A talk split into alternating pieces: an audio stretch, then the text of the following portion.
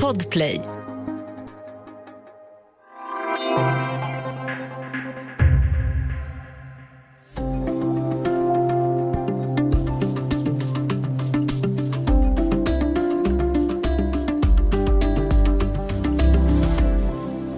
Fotbollsspelaren Lionel Messi har bytt klubb från sitt livsklubb Barcelona till PSG, Paris Saint-Germain. Messi själv grät under presskonferensen när det stod klart att han lämnar Spanien. Men det är inte bara känslor som gör att det här bytet ses som det största på många år. Det handlar också om pengar, ligaregler och ett litet emirat vid Persiska viken.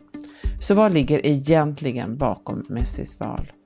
Välkommen till Studio DN. Jag heter Sanna Thorén Björling.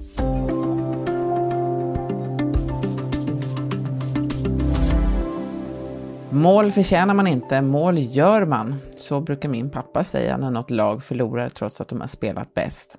Och visst handlar fotboll om att göra mål, fråga Messi, men det är ju också en arena för enorma affärer och storpolitik. Välkommen idag säger vi till Malena Johansson som är sportreporter på Dagens Nyheter. Hej! Hej, tack så mycket. Du, om vi börjar här med huvudpersonen, eh, Malena, vem är Lionel Messi? Världens bästa fotbollsspelare skulle man väl kunna säga. Eh, det finns ju många som, det finns en alltid en debatt om det, men det finns många som tycker att han är historiens bästa fotbollsspelare. Um, han är 34 år gammal och argentinare, men han har ju levt större delen av sitt liv i Katalonien. Han kom till Barcelona när han var 13 år gammal och har eh, representerat Barcelona ända sedan dess. Den klubb han lämnar då är ju Barcelona. Om du ska säga någonting om vad det är för klubb, vad skulle du säga då? Ja, det är ju en, eh, en medlemsägd klubb eh, som ju har en historia. Deras paroll är ju eh, mer än en klubb. Vilket betyder att de har ju haft eh, historiskt tillbaka i tiden eh, en betydelse som någon slags eh, eh samling för någon slags motstånd mot Franco-regimen på den tiden. Och på senare år så har det varit en av världens bästa klubbar och mest vinnande klubbar som eh, också har satt den stil av fotboll som de har spelat har influerat väldigt mycket utvecklingen, eh, utvecklingen av hur man spelar fotboll. Va, och, och, de som spelar i de här på den här nivån är ju väldigt eh, eh välbetalda personer. Var, ungefär vad får spelarna betalt? Ja, de får ju, det skiljer sig såklart väldigt mycket. Det finns ju en, en hierarki där man, om man är på Messis eh, nivå, det sägs ju att han kommer att, spela, kommer att tjäna eh, 35 miljoner euro om året nu då.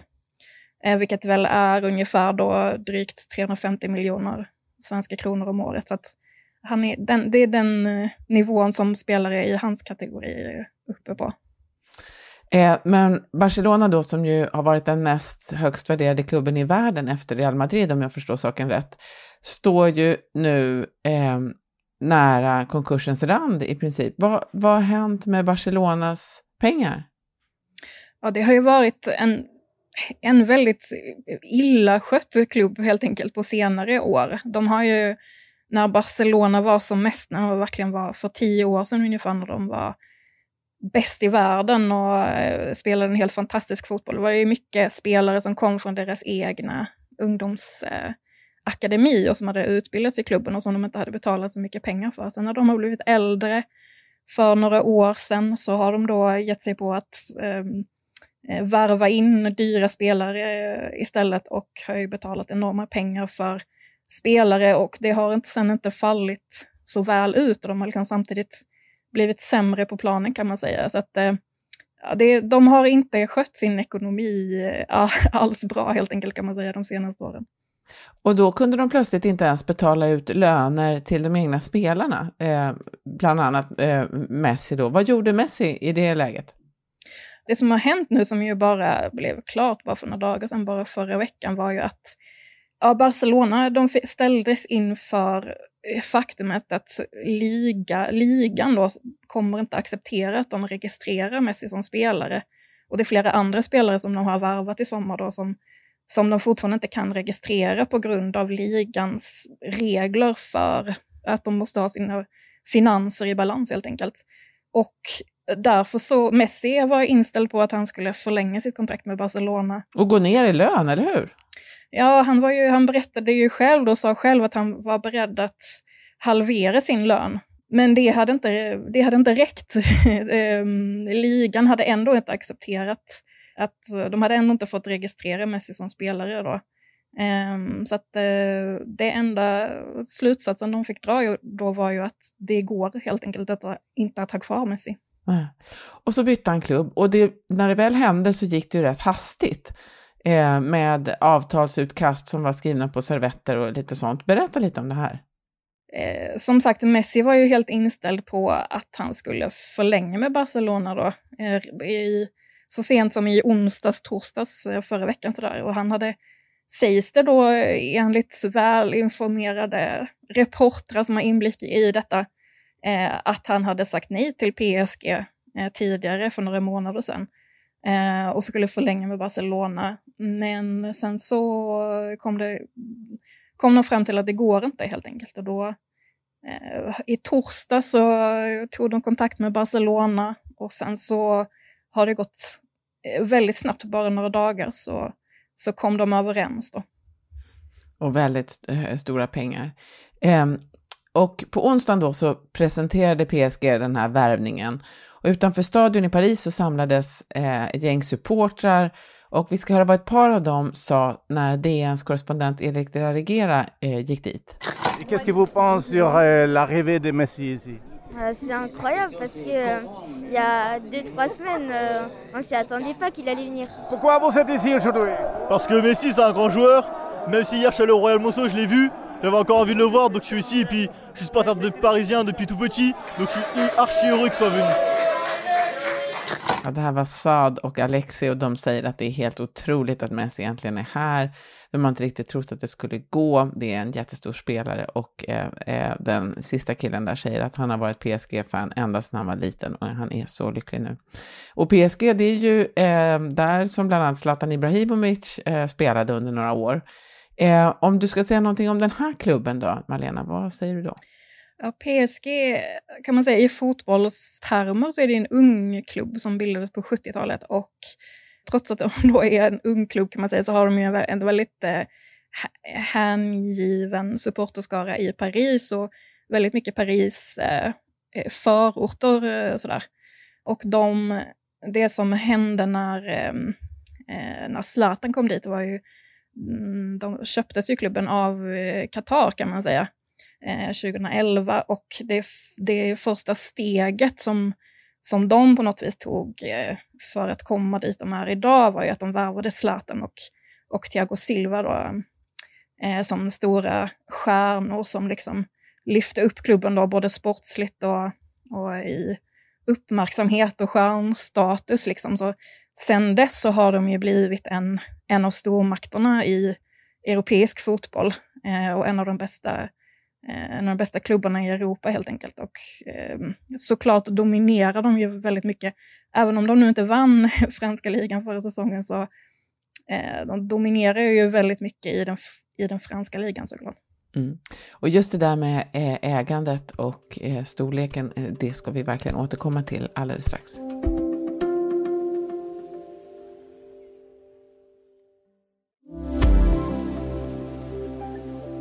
Ja, Studio DN idag. Vi pratar om elitfotboll med Malena Johansson och vi har kommit fram till Paris Saint-Germain som är Lionel Messis nya klubb.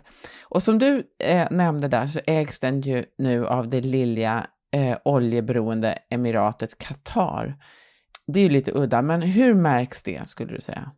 Det märks ju på alla möjliga olika sätt kan man säga. De har ju då enorma pengar såklart som de har investerat i i, i PSG. Eh, och det kan man ju se, mm, den här värvningen av Messi blir ju på något vis eh, det ultimata beviset på något vis vad, hur situationen ser ut i europeisk fotboll där man har då kanske två, kanske tre klubbar som liksom ha, har möjlighet att, eh, att värva Messi och det är väl då PSG och kanske eventuellt då även Eh, Eh, Manchester City skulle kunna vara en konkurrent och de har ju då sina Gulf oljepengar från Förenade Arabemiraten. Eh, så det är ju liksom ett par klubbar i Europa som med backning av de här oljepengarna då verkligen har en, en särställning eh, i europeisk fotboll eh, just nu. Och då kan man ju också vända på det här. Vad har till exempel då Qatar, vad har de för intresse av att äga ett fotbollslag i Europa? Det är ju en stat. Ja.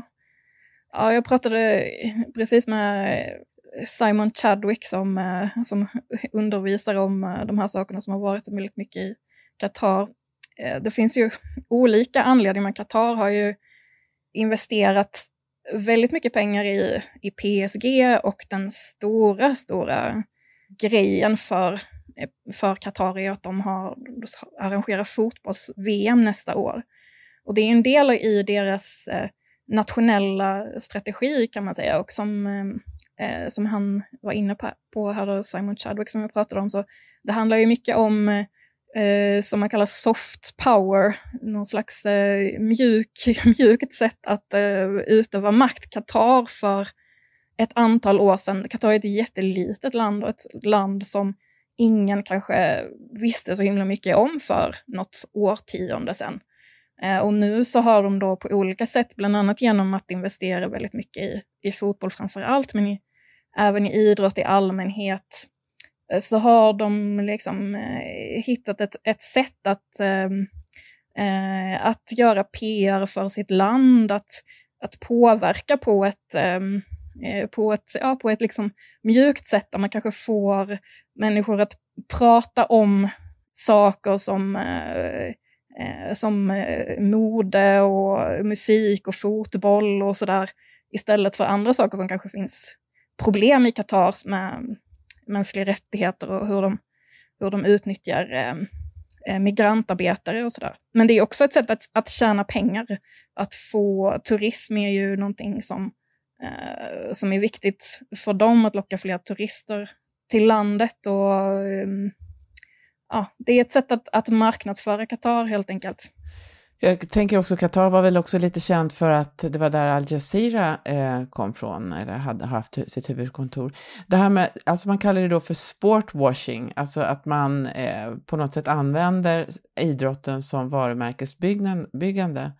Man, eh, eh OS i Kina 2020, 2022 är väl också ett sådant exempel, tänker jag, eller eh, ishockey eh, VM som man skulle spela i, i Belarus men inte gjorde det sen. Eh, har det här eh, blivit vanligare skulle du säga, eller är det bara så att det uppmärksammas mer? Att stater har använt sig av idrotten i olika politiska syften, eh, propagandasyften är ju någonting som går långt tillbaka i tiden. Eh, men när vi har liksom OS eh, i Berlin under Hitlertiden, vi har liksom kalla kriget och eh, på 80-talet där man i öststaterna så dopade man sina idrottare till exempel för att de skulle vinna tävlingar Så där. Det finns ju hur många exempel på, som helst på att man har använt idrott i politiska syften. Det här är väl liksom vår tids eh, Eh, version av det, att den här typen av stater eh, eh investerar i, i den här eh, typen av... Eh, e-, ett sätt att, eh, att skaffa sig makt helt enkelt. Just det. Och sen vet man, det vet jag att vi har pratat om i, i podden tidigare, men att eh, det finns ju en, en, ett mått av korruption här då eftersom det finns en kommitté som tilldelar, bestämmer var någonstans de här stora mästerskapen ska vara. Det är ju någonting annat än klubbarna, men det ingår ju i, i, i hela det där eh, komplexet. Men du, vilka reaktioner märker man då? Eh, jag tänker hos spelare eller sponsorer eller andra deltagare. Det finns ju, ibland finns det ju prat om bojkott och sådär för, för, för, vissa mästerskap. Eh, vad tycker du man ser när det gäller eh, till exempel PSG då och, och Qatar? Eh, som sagt, den stora grejen med eh, med, eh, för Qatar är VM nästa år och där Messi Eh, passar ju in i det på det sättet, passar ju väldigt, väldigt bra in i det på det sättet att PSG har ju investerat i väldigt mycket pengar för att vinna Champions League till exempel. De har aldrig lyckats med det. Och nu med Lionel Messi så hoppas de ju att äntligen vinna eh, Champions League och sen så kommer VM och det är ju liksom perfekt för Qatar. Det finns ju såklart två sidor av det där. Man kan ju argumentera för att, eh, jag tror att eh, i Qatar så har de blivit lite överrumplade över hur mycket granskning som också kommer med att investera i idrott. Alltså ofta när man pratar om VM i Qatar så pratar man ju om hur eh, migrantarbetarna utnyttjas i Qatar, om hur det här liksom fick Qatar på ett korrupt sätt. Eh, man pratar om negativa saker och det här är någonting som, som Qatar också har fått, fått hantera så att säga. Så det finns ju liksom för och nackdelar eh, med detta för Qatar. Några lag tidigare år var ju på väg att bilda en egen slags superliga, men det misslyckades ju.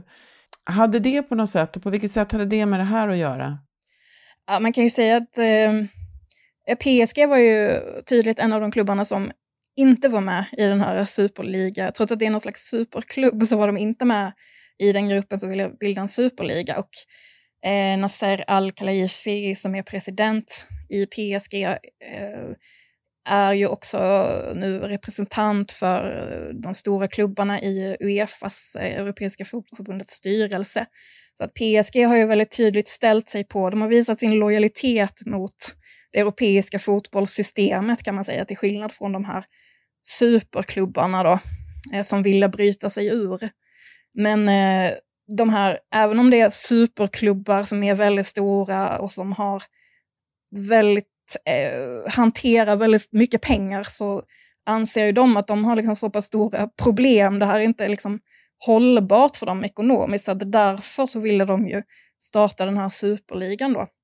Eh, men till skillnad från kanske en klubb som PSG då som inte behöver den där superligan.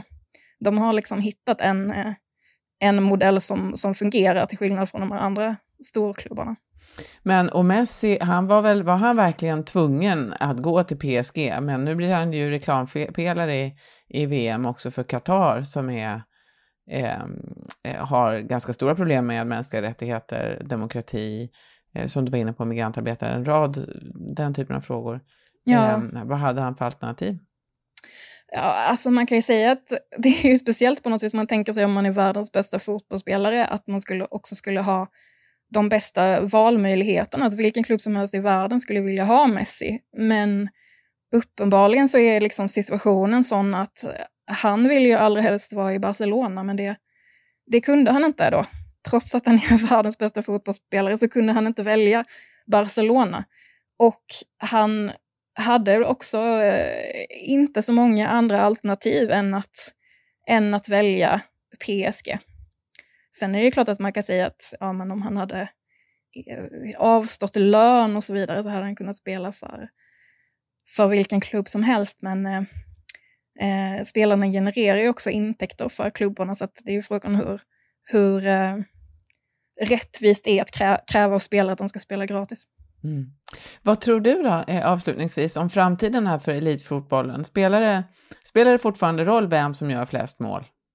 Ja, det är ju klart att det gör, men vem som har förmågan att göra flest mål i ekonomi är, väldigt, eh, är en väldigt stor faktor i vem som har förmågan att vinna matcherna. Och det, så har det ju alltid varit, men det blir ju um, tydligare och tydligare. Det blir en mer och mer ojämlik uh, fotbollsvärld där det är färre och färre klubbar som har de ekonomiska möjligheterna att vinna, vinna matcher. Mm. Stort tack för att du var med idag, Malena Johansson. Tack så mycket. Studio DN görs för Podplay av producent Sabina Marmelaka, teknik Jonas Lindskog, Bauer Media. Jag heter Sanna Thorén Björling. Vi hörs.